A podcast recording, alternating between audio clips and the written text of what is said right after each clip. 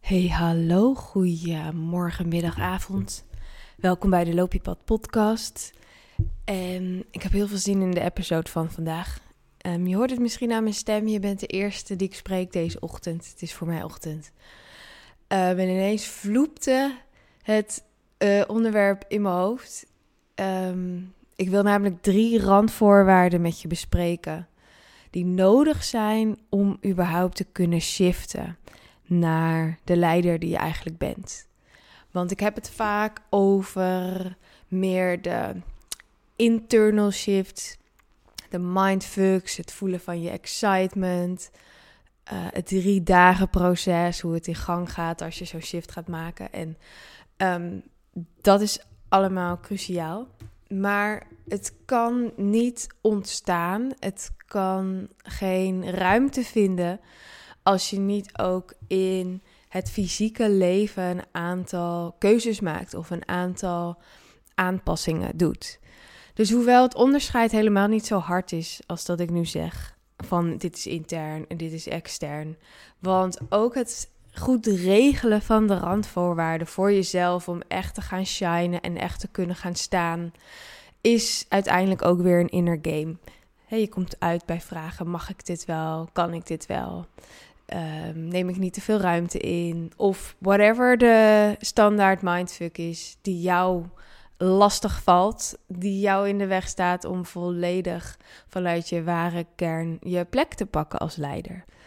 Um, het zal zo wel duidelijk worden als ik de drie um, ja, parameters of variabelen of randvoorwaarden voor je ga schetsen. En ik zie het als een soort ja, vangnet of nee, eerder een arena, een space die je voor jezelf creëert waarbinnen de magic kan gebeuren. En ik zal ze gewoon eerst alle drie opnoemen en dan ga ik ze één voor één eh, met je bespreken. Dan komen we vanzelf wel, uh, wel ergens. Dus de eerste is tijd, de tweede is ruimte en de derde is mensen. Te beginnen met tijd. Het is een ontzettend open deur, maar je hebt tijd nodig. Je hebt tijd nodig om naar binnen te keren, om te voelen wat er gevoeld mag worden, om te voelen wat er wil ontstaan via jou. En als ik het heb over, ja, waar zit je excitement op? Waar ga je helemaal van aan? Omdat ik geloof dat dat je guidance is, je inner guidance. Dan is het wel belangrijk dat je tijd neemt om dat te voelen. En op een gegeven moment wordt dat een, een soort autopilot. Iets wat automatisch gaat. Iets waar je de hele dag door eigenlijk continu op afstemt. Maar als je, um, net als 99,9% van de mensen, um, nog veel meer zit in het ja, ik moet werken en ik moet iets doen en dan gaat er iets ontstaan. Dan kun je het niet voelen. En ik heb daar eerder een episode over opgenomen dat hard werken komt vanuit het wantrouwen. Dat het niet zal ontstaan, dat het niet gaat gebeuren. Dus om verder te zakken in, ja, maar wat voel ik nou eigenlijk? Wat wil ik nou eigenlijk? En wat wil er dan ontstaan via mij? En wat is dan eigenlijk die calling voor mij? Wat is die blueprint? Waar, waarvoor ben ik dan gekomen op aarde? Daar heb je tijd voor nodig. Dus al die um, self-care boodschappen, al die um, slow down, nature retreats. Het is zo ontzettend logisch dat, dat daar zoveel mensen um, ook voelen van... hé, hey, dit is mijn puzzelstukje om mensen hierbij te begeleiden. Omdat het een cruciale factor is in het transformeren van waar we vandaan komen naar, naar waar we naartoe gaan. Waar we vandaan komen is een wereld van we moeten hard werken en we halen onze uh, bevestiging van buiten naar binnen. En om dat te doen moeten we ons dus continu bewijzen aan mensen om ons heen. En waar we naartoe gaan is dat we dat allemaal uit onszelf halen. Dus dat we samen leven, dat ik niks in principe van jou nodig heb en jij niet van mij, maar dat we dus wel samen zijn omdat we dat leuk vinden om met elkaar te zijn. En het kan dus heel goed zijn dat er in jouw huidige business en in jouw huidige leven nog geen structuur bestaat, nog geen momenten zijn waarop jij even helemaal kunt afremmen, kunt zakken, kunt voelen wat gebeurt hier nou eigenlijk? En wat wil er tegen mij gezegd worden als ik stil ben? Er wordt heel veel de hele tijd, de hele dag aan ons gecommuniceerd, alleen we horen het niet. Dus we zijn als een kip zonder kop aan het rennen, omdat we wel voelen die potentie, we wel voelen die ambitie en die grootsheid. En ja, maar ik ben hier toch om andere mensen te inspireren en om andere mensen te leiden. Dat voelen we dus wel. Alleen de denkfout, en dat is helemaal niet erg, dat is ook eh, dus een, een collectief iets waar we uitkomen. De denkfout is dat we dan maar heel hard moeten werken om dat gevoel waar te maken. Om daar handen en voeten aan te geven. Maar wat er eigenlijk gebeurt is als je stilstaat en tijd neemt, is dat je informatie krijgt, kunt ontvangen van. En het maakt mij echt, nogmaals, niet uit hoe je het noemt. Noem het het onderbewuste. Noem het je intuïtie. Noem het je higher self. Noem het source. Maar er is, er is een, een flow van energie. Er, is, er hangt iets om jou heen. Wat jou eigenlijk continu de goede kant op probeert te nudgen. Te nudgen, te um, lonken bijna. Of een klein duwtje. En als je heel erg niet luistert, dan is het een groot duwtje. Dan is het een flinke katalysator. Dan raak je burn-out. Dan um, dan word je ziek of dan gebeurt er iets anders groot in jouw leven waar je, ja, waar je in eerste instantie niet blij van wordt, maar waarvan je op lange termijn denkt: oh ja, ik luisterde niet. Ik luisterde niet naar mijn lichaam. Ik luisterde niet naar wat wil voor mij. Ik luisterde niet naar mijn intuïtie. Dus het kan heel goed zijn, daar begon ik volgens mij dit stukje mee, met dat er in jouw leven nog niet zoveel tijd bestaat. Of dat bestaat wel. Alleen hij is heel erg gevuld met rennen en vliegen en bewijzen en hard werken. En ik weet dat jij dit niet wil, want anders zou je deze podcast niet luisteren. Anders zou je het niet aantrekkelijk vinden wat ik te vertellen heb. Um, dan zou je niet tot mij aangetrokken voelen en ook niet tot mijn, mijn stijl en mijn communicatie. Dus dit is niet wat je wil. En wat is het dan wel wat je wil? Wat je wel wil is veel meer afgestemd leven met de flow die toch al die er toch al is. Alleen ehm, je verzet je er nog tegen of je zit gewoon even op een andere energiegolf. En je weet dat er voor jou leukere energiegolven zijn maar om te voelen welke keuzes daarvoor nodig zijn. Om te voelen. En dan maken we het gewoon heel concreet. Om te voelen welk businessmodel daarbij past. Welke klanten daarbij passen. Waar, hoeveel tijd en ruimte jij zelf nodig hebt om in te tunen om die klant ook echt van dienst te zijn. Het antwoord is rust. En die rust vind je in tijd. Zeker in het begin. Dat vraagt een soort even herschrijven van het paradigma. Druk, druk, druk is namelijk niet cool. en ik zeg zeker in het begin, omdat het heel goed kan dat als je jezelf een soort herstart hebt gegeven, een restart, dan kan het heel goed zijn dat het in jouw leven heel goed past. Dat er explosies zijn van ontzettend veel doen. Ehm, of dat dat een, juist een heel continu ding is dat jij. Ehm, dat je ook echt fysiek heel veel mag doen in het leven. Maar dan komt het vanuit een ander vertrekpunt. Dan komt het vanuit juist vanuit zelfliefde en juist vanuit je blueprint, vanuit je calling. Dan voel je heel erg: dit klopt voor mij. Dus dat kan heel goed. Maar om die shift te maken is het eigenlijk altijd nodig om eerst helemaal tot rust te komen. En als dit je kriebels op je rug geeft, omdat je denkt helemaal tot rust komen, Anke, what the fuck? Daar heb ik toch echt geen tijd voor. Ik heb geen zin in. En um, uh, hoe dan, hoe dan, hoe dan? No worries. Ja, hoeft dat niet meteen in één keer te doen. Als dat stressvol voelt, moet je dat zeker niet doen.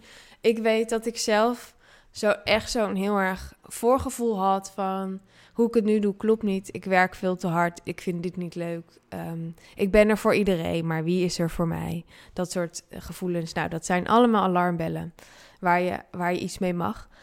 En, en nu praat ik echt over, nou, wat zal het zijn, vier jaar geleden? Of, ja, vier jaar geleden volgens mij.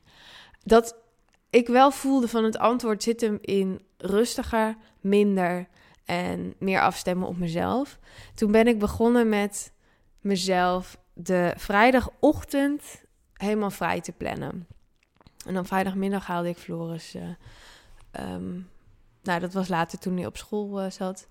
Um, maar en toen Floris op de crash zat, had ik dus de hele dag, hele vrijdag. En ik vond het super moeilijk. Ik vond het echt heel moeilijk om met name om die afspraak met mezelf aan te houden. Dus dit gaat over integriteit. Dit gaat over jezelf in de ogen kijken en je bevragen van als je zo'n afspraak met jezelf dus overschrijdt, wat is hier gebeurd? Met zelfliefde en zelfcompassie, maar ook een schop onder je hol van ik wilde toch meer rust en meer tijd en wat gebeurt hier dan? Welke gedachte maakt dat ik nu toch die afspraak in heb gepland? En dan zit er altijd iets van tekort onder. Anders dan, nou, anders dan past het niet meer in onze agenda's of anders moet die ander zich heel erg aanpassen. Of ik heb deze call nodig, of want ik heb die opdracht nodig. Of nou ja, zoiets. Maar je kunt dus klein beginnen en misschien voelt zelfs de vrijdagochtend al heel erg veel voor jou.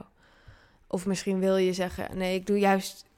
Ik vond het heel fijn om dan zo'n heel blok te pakken, omdat je dan. Dus ten eerste heel duidelijk. En ten tweede kon ik dan ook echt nog wel dingen doen, zoals naar een museum of een lange wandeling maken. Maar misschien vind jij het wel fijn om iedere ochtend, voordat je echt gaat rammen op je laptop, een half uur of een uur helemaal niks te doen. te staren uit het raam, te mediteren. Of misschien juist lekker yoga-oefeningen te doen. Of een rondje hard te lopen. Maar dat het tijd is voor jou. Dat is super belangrijk. En als je dat stadium al voorbij bent, dus je denkt: Yo, Anke, een uur per dag. Joh, ik heb echt veel meer al. Ik heb dat, ik heb dat al helemaal onder de knie, dat selfcare. Super nice. Maar ik weet uit eigen ervaring dat er dan nog een niveau is voor jou van nog minder doen, nog meer zakken. En echt voelen dat verlangen van, nou misschien is, dus waar je eerst begint, misschien met een uur voor jezelf en daarna rammen. Is het andersom? Is het misschien wel, je werkt één uur per dag of twee uur per dag en that's it. En die shift, ik geloof daar heilig in, die shift hebben wij te maken. Dat is, dat is ook waar, waar nieuw leiderschap, wat mij betreft, over gaat. Is dat we werken, integreren met ons leven, met ons zijn, met onze flow. En dat dat dus niet betekent dat je echt uren hoeft te werken. Dat het misschien voor jou heel logisch is om nou, 1, 2 uur per dag je, je mensen te helpen. En that's it. En ik zeg niet dat voor iedereen dit zo geldt.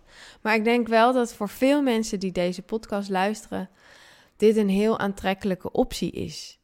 Dat jij gewoon mag zijn wie je bent. Met misschien een gezin en met het genieten van het leven waar je van houdt. En weekendjes weg en ook je eigen ontwikkeling, daar heel veel tijd voor hebben. En dat dat dus betekent dat jij maar een paar uur per week werkt. En dat dat consequenties heeft voor alles in jouw business. Voor, nogmaals, dus je businessmodel, de mensen met wie je werkt, de voorwaarden onder waar je werkt, et cetera. Oké, dus tijd, uh, you've got it, heel belangrijk. Dan hadden we ruimte. En ik heb daar zelf afgelopen maanden een, uh, een, een mooie shift in gemaakt. Dat ik heel erg kon um, uit persoonlijke ervaring, zeg maar, kon voelen hoe dat, hoe dat, hoe dat werkt. En hoe dat floot, als je daar dus naar durft te luisteren. Uh, en ik zal je daarin meenemen. En dan heb ik het dus echt over de fysieke ruimte. De, de geografische ruimte. Waar ben je? Um, ik had namelijk een, uh, een heel mooi kantoor. Een kantoorruimte. Heel groot, heel ruim. Echt een perfecte... Ja, het was heel fijn om daar, om daar een tijd uh, te werken. Um, en dat heb ik ook met veel plezier gedaan. Er hing daar een heel fijne, creatieve, industriële sfeer. Het was in een loods. En hoewel het dus heel fijn was geweest, voelde ik heel duidelijk. En het is ook weer klaar. Je mag dit opzeggen. En dat kwam echt uit het niets. Als in, ik had wel een verlangen van: oké, het mag misschien iets meer industrie, minder industrieel. Um, maar ik had geen idee wat het dan precies wel mocht zijn. Ik dacht misschien iets met meer natuur of zo. Um, maar ja, een huisje midden in de natuur, dat vond ik ook weer, dat was ook weer too much. Maar ik voelde gewoon heel sterk, ja, ik moet het nu opzeggen. En ik had wel meteen het voorgevoel van, ik ga dit opzeggen, zodat er ruimte komt voor iets beters en iets nieuws. Dus zonder dat ik het dat al had gevonden, um, mocht ik het al opzeggen. Dat voelde ik gewoon heel sterk. Dus dat heb ik toen gedaan. Toen heb ik eerst nog in een anti-kraak kantoortje gezeten en daarna nog een kantoortje. En ik heb daar nooit echt uh, heel veel moeite en energie in gestoken om dat in te richten. En misschien ken je dat wel, dat je dan. Dus ik was wel blij met die ruimte, zeker omdat er weer een lockdown aankwam en uh, dat het dan gewoon fijn is dat je een plek hebt waar je naartoe kan gaan. Um, in mijn geval ook omdat er dan thuis uh, homeschooling was en dat een beetje chaotisch wordt. Um, nou, en dan heb ik dus wel die ruimte nodig om mijn werk te kunnen doen. Dus ook al was het niet het eindstation, niet het, ik voelde geen spark bij die ruimtes. Maar het was heel fijn dat het heel makkelijk mij werd aangeboden. Zo voelde het echt door, door, nou, door de flow um, door het universum, whatever you want to call it. Maar het, het kwam gewoon op mijn pad. Het was heel makkelijk. Het was heel goedkoop. Dus ik kon daar heel makkelijk ja tegen zeggen. En dan had ik een plek, gewoon de ruimte om in ieder geval de dingen te doen die ik moest doen. Maar het was niet de plek waar ik met de tijd die ik voor mezelf heb vrijgemaakt, uit puntje 1. Het was niet de ruimte, niet de plek. Ik ga het liever plek noemen. Wat is de plek waar je bent? Niet ruimte, maar plek.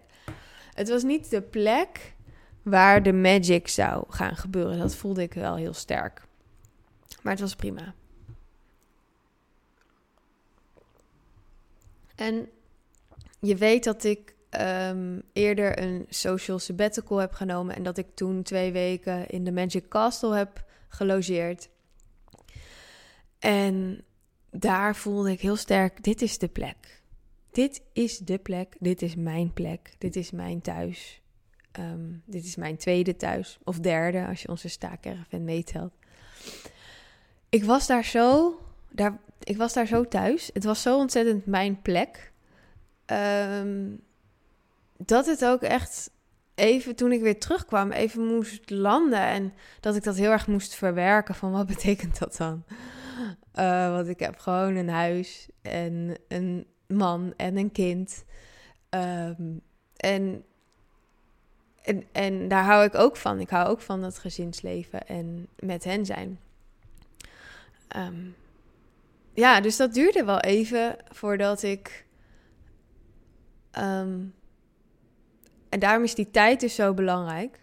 Ik had die tijd. Het duurde even voordat ik echt kon internaliseren dat ik daar echt stappen op wilde zetten.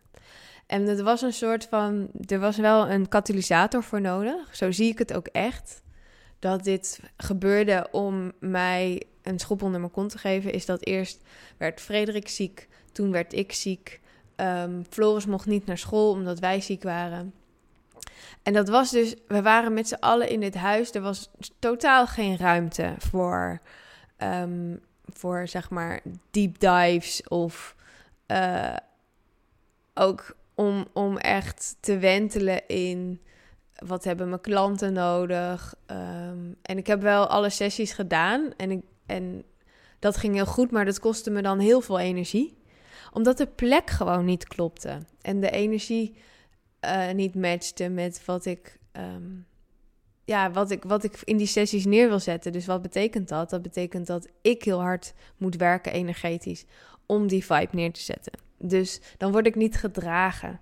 En dat herken jij misschien ook wel, dat als je een kantoor hebt of je zit eh, thuis te werken, dat het extra hard werken is als het niet klopt. Als de plek niet klopt. Terwijl als je um, in een uh, bos, huisje uh, op de hei of juist lekker in een cafeetje, wat voor jou goed voelt en wat op dat moment goed voelt, dan stroomt het ineens als een malle. Dus de plek waar je bent kan ondersteunend zijn aan wat jij te doen hebt. En het kan ook, um, nou in ieder geval niet, niet ondersteunend zijn. Uh, dus het is niet per se dat het het naar beneden haalt, maar dan moet jij extra hard werken om neer te zetten wat je neer wil zetten. En dat is zo zonde, want jouw energie is goud. Daarmee, daarmee manifesteer jij jouw leven. Daarmee, dat is, dat is jouw magic, je energie. Dus dat is super zonde als dat weglekt omdat je niet op de goede plek zit. Nou, dus ik had die schop onder mijn kont nodig. Ik heb contact opgenomen met het kasteel. En um, ik was welkom. Dus nu ben ik daar, uh, as we speak. Um, nou, niet nu, want nu doe ik een podcast voor jou. Maar ik ben daar aan het schilderen. Ik ben dingen aan het bestellen om dat in te richten.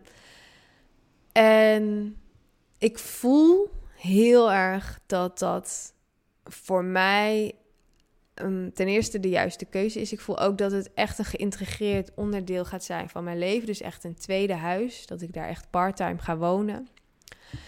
En ik begon deze podcast ook met die inner en outer uh, onderscheiding of, of, scheiding. Die is, niet zo, die is niet zo sterk als dat het nu lijkt. Want wat had ik, waar moest ik zelf ook doorheen om ja te zeggen tegen deze plek? Is allerlei gedachten als ten eerste financieel. Dat ik dacht, ja, het is natuurlijk super onlogisch, want ik heb al een huis en ik heb al een staakerven. En dan ga ik nu ook nog een klap geld uitgeven om hier te mogen wonen. Nou, dat. maar die kon ik vrij snel voelen van, uh, ten eerste is het geld er. En ten tweede um, gaat dit de, de, voor mij persoonlijk een katalysator zijn in in de expressie van wie ik ben en wat ik jou kan geven. Dus dat, dat geld, dat, dat komt wel goed, omdat ik kan zien hoe ik dat energetisch kan omvormen naar um, bijvoorbeeld omzet. Um, maar ook naar um, mijn gezin toe, of eigenlijk naar mijn partner toe, voelde, merkte ik heel erg zo'n hesitation van neem ik niet genoeg ruimte in, of neem ik niet te veel ruimte in. Dus wat, mijn tactiek daarin is altijd dat ik het eerst zelf helemaal um, doorploeg of voel. En dan uh, zoom ik altijd zeg maar soort van uit op het. En dan kijk ik naar het poppetje Anke en wat ze dan doet en wat ze dan denkt. En um, nou, wat er nu tegenhoudt. En dan werk ik het eerst zelf altijd zoveel mogelijk door. En dan vertel ik het pas. Of dan um, ga ik pas in gesprek erover. Als ik dat bijvoorbeeld eerder had gedaan, tijdens mijn eigen twijfel-twijfelfase, dan kun je er donder op zeggen dat dat, dat een dag twee dingetje wordt uit het drie dagen proces. Dus dan had bijvoorbeeld mijn vriend mij heel erg gespiegeld in mijn twijfels. En bijvoorbeeld gezegd, nou had hij gewoon, ja ik weet niet wat hij dan had gezegd, maar dat weet ik ook niet, want dat zei hij nu allemaal niet. Want hij was juist heel liefdevol en stond er helemaal achter en vond het heel leuk voor mij. En dat, ik weet inmiddels dat dat komt omdat ik het eerst zelf leuk vond voor mij. En omdat ik er zelf achter stond. En omdat ik zelf voelde, dit is wat ik moet doen. En dan heb je een hele andere vibe dan, oh, mag ik dat doen? Ik heb geen toestemming gevraagd aan mijn vriend. Ik heb wel dat liefdevol met hem bekeken van hoe zou dit werken voor ons en voor jou en wat heb jij nodig als ik dit ga doen. Ehm, maar dat komt dus vanuit een vertrouwen in mezelf en in die stappen en in mijn pad en ehm, het weten dat ik het ga doen. Als je nog komt vanuit ik heb toestemming nodig en ik heb het nu over partner, maar het kan ook je ouders zijn of, of vrienden waarvan je denkt ja, die, die gaan deze stap die ik nu ga maken heel raar vinden. En als je eigenlijk een soort van toestemming gaat vragen, dan gaan ze sowieso spiegelen dat jij het zelf nog niet helemaal toegeëigend hebt. Dus dit is even een mooie side note voor jou. Als je voelt op jouw pad, dit is een keuze die ik te maken heb. Dit voelt voor mij zo goed en zo aligned. Ehm, kijk dan of je eerst dus met die tijd die je idealiter voor jezelf hebt gecreëerd, het voor jezelf zodanig kunt doorwerken dat je stevig staat op het moment dat je je keuze deelt met de buitenwereld.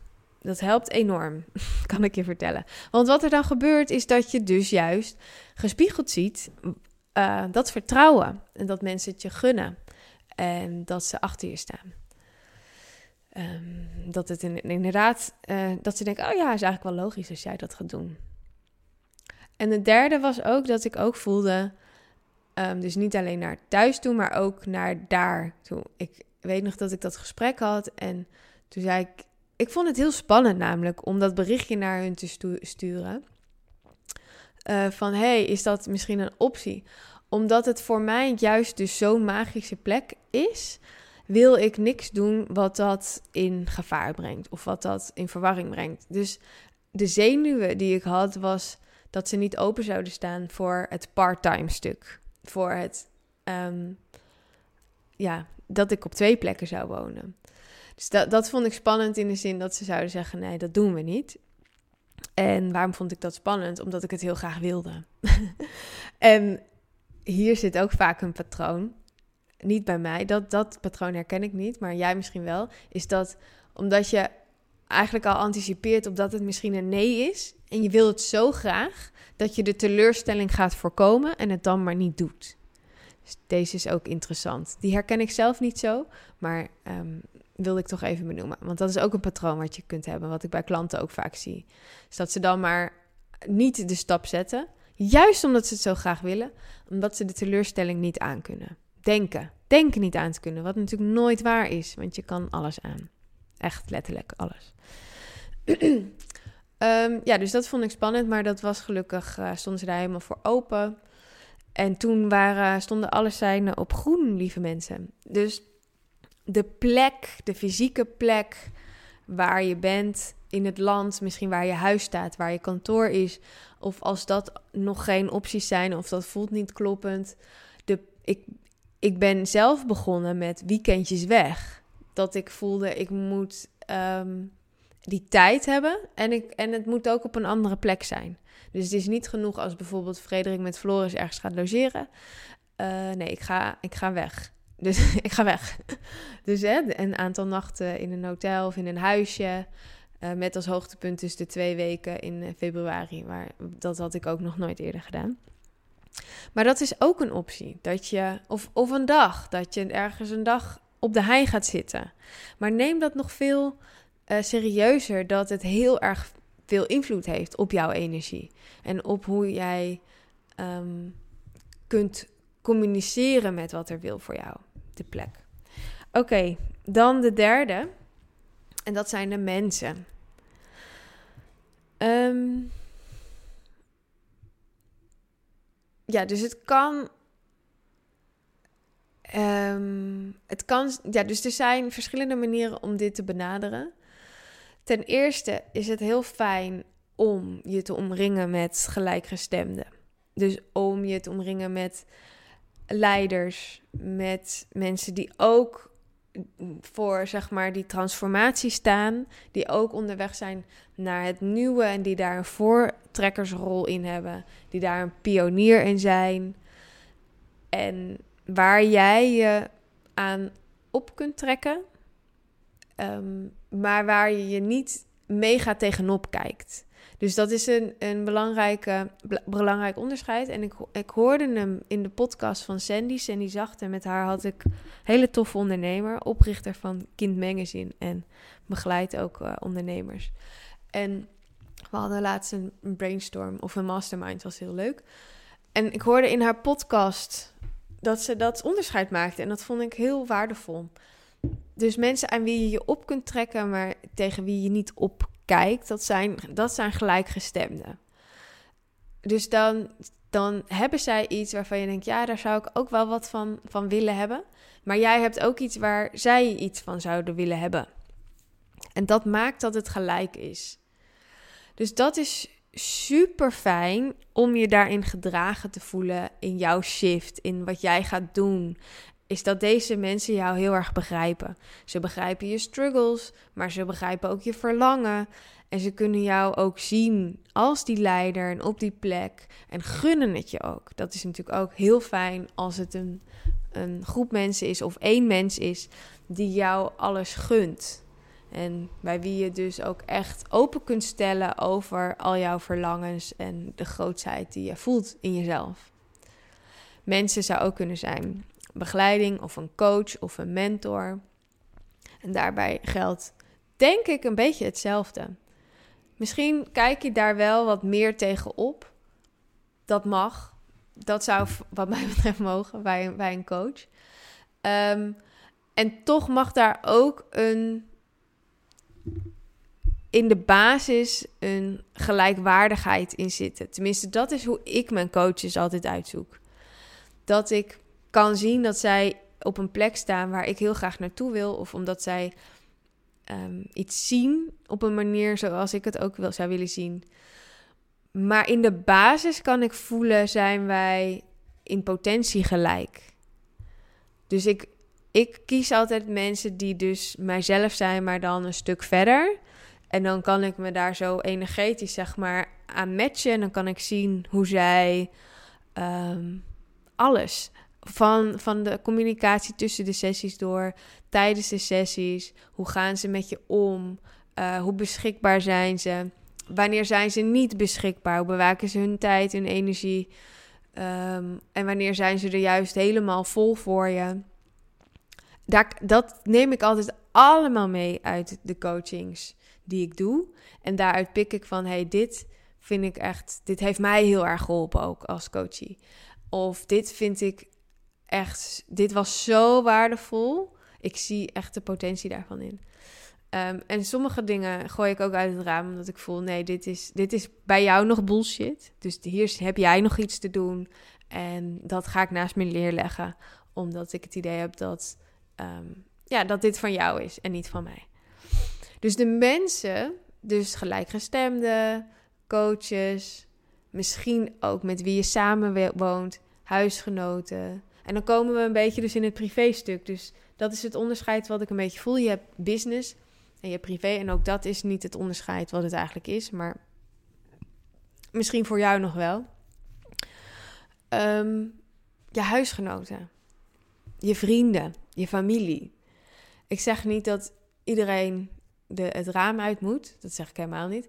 Maar wat ik zeg is op het moment dat je, als je juist dus heel erg gaat staan voor wie jij bent en voor jouw journey en voor wat jou, jij verlangt. Bijvoorbeeld, je gaat staan voor puntje 1 tijd en puntje 2 plek. Je gaat het echt uitrollen in jouw leven, dan vinden mensen daar wat van. Of als je echt veel meer je stem gaat laten horen, dan vinden mensen daar wat van. Als je je hart gaat volgen, je gaat keuzes maken die ingaan tegen de stroom van wat de rest doet, dan vinden mensen daar wat van. En mensen, bedoel ik, familie, vrienden, partner, etc.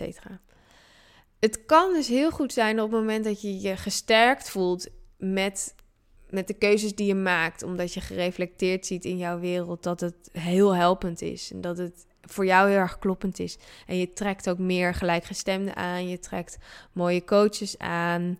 Ehm, en je bent daar echt lekker in bezig om je eigen pad te lopen. Dat niet iedereen daarin mee kan gaan. Ehm, en dat jij ook niet iedereen mee wil nemen. Dus dat zijn twee dingen. Soms vind jij het helemaal niet erg als iemand onder jouw vleugels met je meegaat, maar voelt het voor hunzelf niet kloppend of te confronterend of gewoon not exciting. Dat kan natuurlijk ook, dat ze gewoon een ander pad te lopen hebben. En dan is het idealiter. Dus als we de start van de podcast, waar hebben we het over? We hebben drie randvoorwaarden om te kunnen shiften naar de leider die je eigenlijk bent. Een van die randvoorwaarden is dus dat je omringt met de juiste mensen. En daar hoort ook bij dat je loslaat wat niet meer past. En dit is vaak, zie ik ook, ervaar ik zelf en zie ik ook bij klanten, een, een, een uit, uitdagend stukje. Een, een, ehm, dat dat erbij hoort. Daar, daar zit vaak wel pijn op van het loslaten. Um, het vraagt je om al je ideeën te onderzoeken over wat is dan liefde. Wat, eh, loyaliteit bijvoorbeeld naar een jeugdvriendin die je al honderd jaar kent, uh, bij wie je getuige was op de bruiloft, uh, maar waarvan je voelt, het is nu, um, waarvan je voelt, we kunnen, we kunnen misschien wel vrienden zijn, maar dan ben ik wel wie ik nu ben. Dus ik kan mij dan niet meer aanpassen aan, aan ja, ik kan me niet meer aanpassen. Ik ga, niet, ik ga daarin niet veranderen. En dan zie je vaak dat het niet eens jijzelf is die de keuze maakt, maar je omgeving. Uh, en soms maak je hem wel zelf. Dat, dat je voelt, deze energie is voor mij echt niet meer helpend, niet meer kloppend. Um, jij vraagt van mij dingen die ik je niet meer kan geven. Vaak zijn het dingen die je eerder wel gaf en nu niet meer.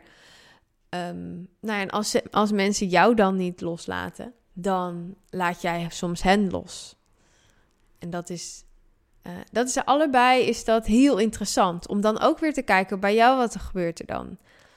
Hè, wat, wat, wat geloof ik dan dat waarheid is? Is het dan liefde om iemand uh, vast te houden door jezelf lager neer te zetten of door je aan te passen? Of is het liefde om zelf te blijven staan waar je wil staan en een ander ook weer los te laten en haar eigen proces daarin te laten doorlopen?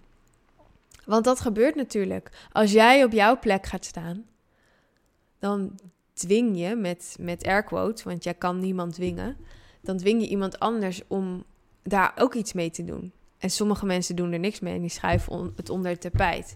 En dat is ook oké. Dat is wat zij ermee doen. Dus iedereen doet er iets mee.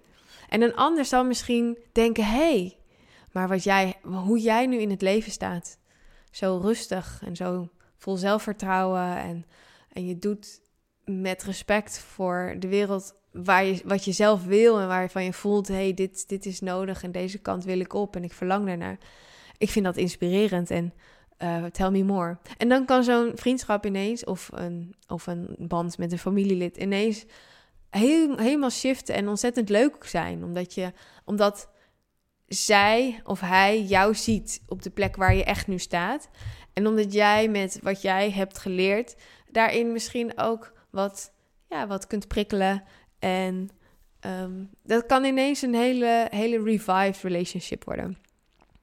Maar dat er iets gaat gebeuren, of dat er iets mag gebeuren, of dat je daarmee bewust van mag zijn en daar ook de spaceholder voor mag zijn. Voor welke relaties zijn echt voedend voor mij als ik ga doen wat me te doen staat. En welke relaties kosten mij heel veel energie. En onderzoek altijd hoe komt dat? Hoe komt het dat dit mij energie kost?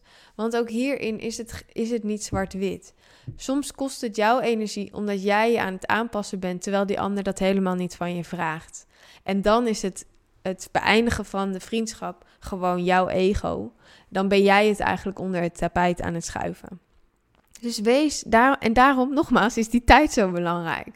Want hoe ga je, hoe ga je uitvogelen of je aan het vermijden bent, of juist in je kracht aan het staan bent? Dat is door echt heel um, secuur en met, met aandacht te, te voelen wat gebeurt hier. Te kijken wat denk ik dan eigenlijk. wat, wat is mijn patroon hierin? Wat is mijn mechanisme? Wat is mijn mindfuck? Keuzes te maken.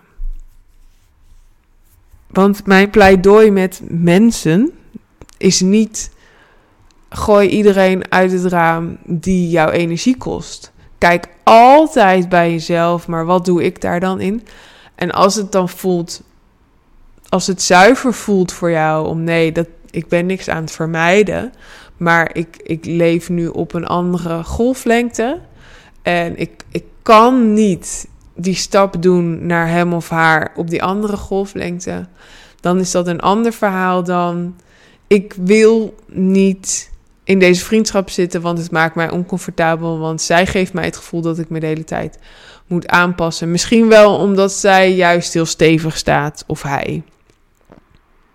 Dus dat dat een onzekerheid in jou triggert. Dus wees ontzettend eerlijk naar jezelf. Ontzettend um, bijna, ja. Wees meedogenloos eerlijk naar jezelf hierin. Kijk altijd wat is mijn aandeel. En dan nog kun je er keuzes aan verbinden, maar dan weet je dat het voor jou zuiver is. En dan sta je ook ontzettend sterk, wat er ook gebeurt. Iemand super boos op je wordt, of ehm, nooit meer, of van de een op de andere dag geen contact meer met je wil. Als jij weet dat het voor jou zuiver was, dan, dan doet dat misschien nog wel pijn, maar dan is het ook oké. Okay. Dan dan kan je dat ook met liefde zien van, nou, dan, dan was dit voor die ander zo pijnlijk. Dan was dit, dan is dit voor haar nu een manier om ermee om te gaan. En dat is oké. En dat je dat ook los kunt laten. Dus dat je er niet ook vervolgens dan toch weer berichtjes achteraan gaat sturen van, hey joh, uh, sorry, sorry. Snap je? Dus als je zelf nog niet oké mee bent, dan ben je wiebelig. En dan, dan wordt de hele situatie wiebelig. Dan ga je dat soort gekke fratsen uithalen achteraf. Dus mensen, zoek gelijkgestemden, zoek begeleiders, zoek mentoren, zoek coaches die staan waar jij wil staan of die, die uitstralen wat jij wil uitstralen, die in de energie al um, de stevigheid hebben die jij wil hebben. En kijk dan als en, en houd de space voor wat dat doet met de relaties met andere mensen dat geldt dus voor alles. Als jij echt gaat staan voor wie je bent, wat doet dat met mensen om je heen? En wees daar dan ook bij. En um, ja, be, met care, met puurheid, met integriteit. Dus dat waren de drie randvoorwaarden die je volgens mij nodig hebt om te shiften ook. Dus los van het innerlijk werk heb je tijd nodig, heb je een plek nodig en heb je de juiste mensen nodig. En iets wat ik daar nog aan toe wil voegen, is als je voelt dat je eigenlijk wel behoefte hebt aan al die drie randvoorwaarden, om die even voor jezelf te orchestraten um, in een geconcentreerd moment, dan is het misschien heel tof om te weten dat ik komende zomer twee of drie vrouwen een 24 uur met kan aanbieden. En dat betekent dat ik dat je eigenlijk voor jezelf, maar ik ga dat voor je, voor je faciliteren, dat je voor jezelf de tijd maakt om echt helemaal te zakken in wat wil voor mij. Waar, wat, wat wil tegen mij verteld worden als ik volledig stil ben? Wat, wat kan ik dan horen? Um, maar ook de, dus op een fijne plek die dat, die dat draagt. Hè? Dus je bent echt even helemaal uit je eigen omgeving op een plek waar de energie heel liefdevol en dragend is in de natuur. Um, en de juiste mensen, en in dit geval eh, één mens, en dat ben ik, om jou te geven wat je nodig hebt. En dat kan dus zijn dat, dat we 24 uur stil zijn.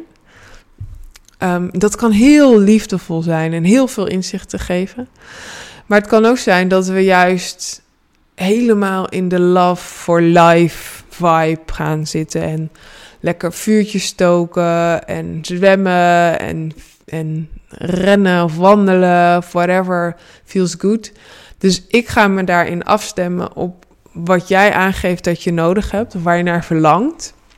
En dan heb je dus 24 uur de tijd, de plek en een persoon die dat vangnet voor je kan zijn. Die die spaceholder kan zijn voor wat er wil ontstaan via jou, door jou. En als jij voelt dat, dat dit voor jou misschien wel heavenly zou zijn, neem dan even contact met me op. Dus dat kan via Instagram, heel makkelijk. Uh, ankerverbrug.nl stuur je me een DM. Ehm, en doe dat maar eigenlijk, want ik wou nu mijn e-mailadres zeggen, maar waar ik naar verlang is nog minder ehm, e-mail. Ik droom van een e-mailloos bedrijf. En eigenlijk is dat grotendeels wel zo, want volgens mij heb ik nu al tien dagen mijn e-mail niet gekeken of zo. Ehm, dus als je dit fijn vindt, of als je dit wil onderzoeken, want we gaan natuurlijk al eerst gewoon in gesprek daarover, stuur me dan een berichtje via Instagram. En dan um, stuur ik jou even een vragenlijst uh, om te onderzoeken van uh, wat wil er ontstaan of waar heb je behoefte aan. En als dat een match is, dan gaan we in gesprek. En als je dan nog steeds een ja voelt, dan, uh, dan gaan we dat doen. En dan gaan we dat inplannen in juni, juli of augustus. Dus gewoon ergens in de zomer een, een blokje um, waarin we de tijd stil gaan zetten en waarin we de magie gaan laten ontstaan die voor jou en door jou wil ontstaan. Dus daar heb ik heel veel zin in. Ik heb ook expres gekozen voor weinig, weinig mensen daarin, zodat ik ook helemaal kan wentelen in wie jij bent en jouw energie, wat jij nodig hebt. En daar ook over na kan denken om je daarin lekker te verwennen. Um, nou, dus dat, dat hoor ik graag als je dat wil. Vond je dit een fijne podcast? Heel leuk als je hem deelt. Uh, of als je je abonneert op dit kanaal. Of een review achterlaat. Helemaal leuk. En dan spreek ik jou heel graag in de volgende. Bye.